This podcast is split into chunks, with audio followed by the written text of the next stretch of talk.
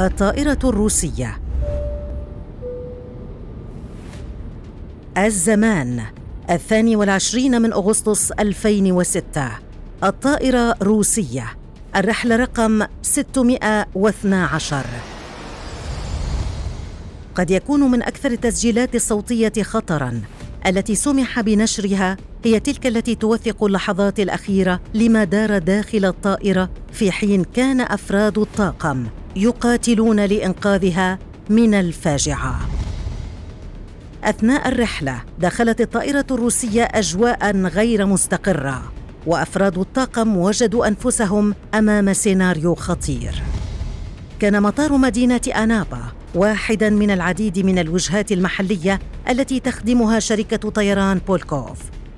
شغلت شركة الطيران هذه العديد من الطائرات القديمة والجديدة.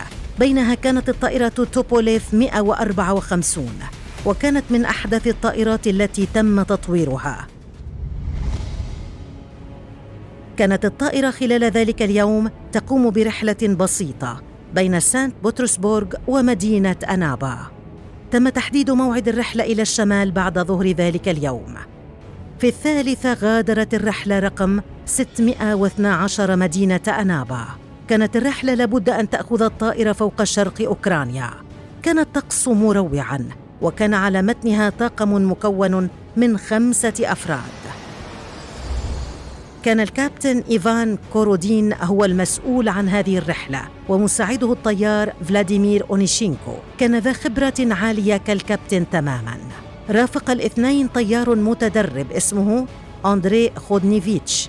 بلغ عدد الركاب 160 راكبا بينهم 45 طفلا.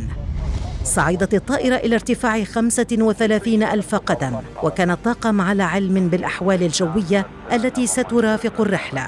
كان الجميع على دراية بالعواصف الجوية المحتملة لكن مراقب الحركة الجوية لم يعلمهم بحجم المخاطر.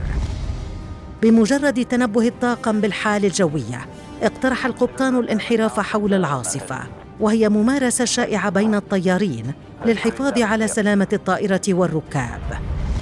انحرفت الرحلة حوالي عشرين كيلومترا عن خط الطيران. بعد ذلك اقترح القبطان الارتفاع والصعود فوق العاصفة لكن ما لم يعرفه طاقم الطائرة أن العاصفة كانت أعلى بكثير من المعتاد. تشير التحقيقات إلى أنها كانت تعلو حوالي 49 ألف قدم. أعلى بكثير من مقدرة أي طائرة تجارية على التحليق.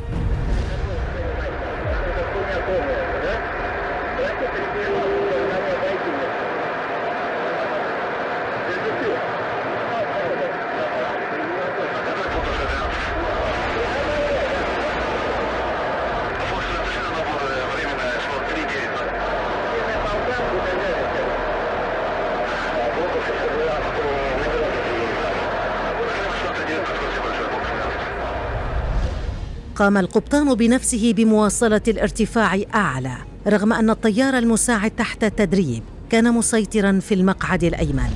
عندها حاول الارتفاع إلى 39 ألف قدم.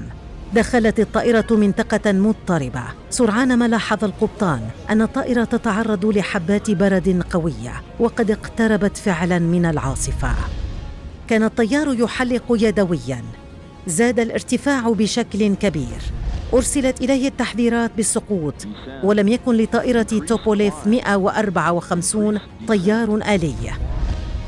زادت زاوية الارتفاع بالطائرة إلى زاوية حرجة وأشارت التحقيقات إلى أن مقدمة الطائرة ارتفعت أعلى بكثير مما ينبغي أن توضع طائرة الركاب كما هو معتاد. انخفضت سرعة الطائرة بشكل دراماتيكي. حتى وصلت لما يقارب الصفر. دخلت الطائرة بحالة تسمى السقوط الديناميكي الهوائي دعا الكابتن لاستخدام أقصى قوة للطائرة.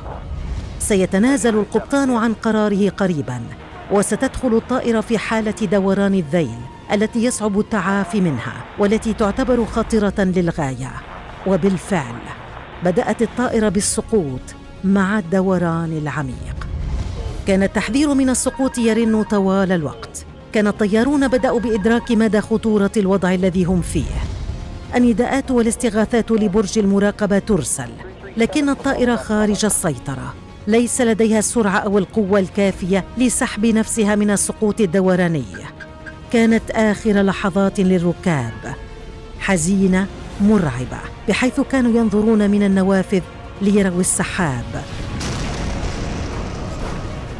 ويصطدموا بالأرض. أصبحت الطائرة عبارة عن كومة حديد تسقط من السماء.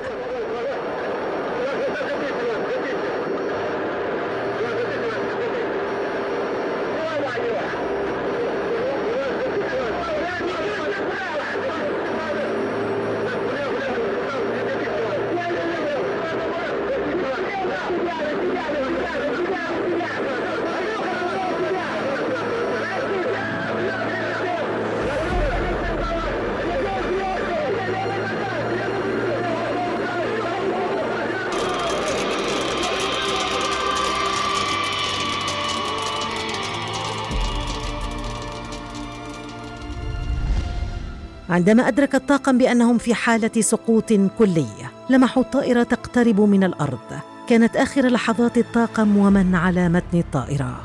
كان الاستنتاج الأكثر دقة أن أنف الطائرة والزاوية التي انحرف إليها. كانا السبب الأبرز بالسقوط العميق الذي كان من الصعب التعافي منه.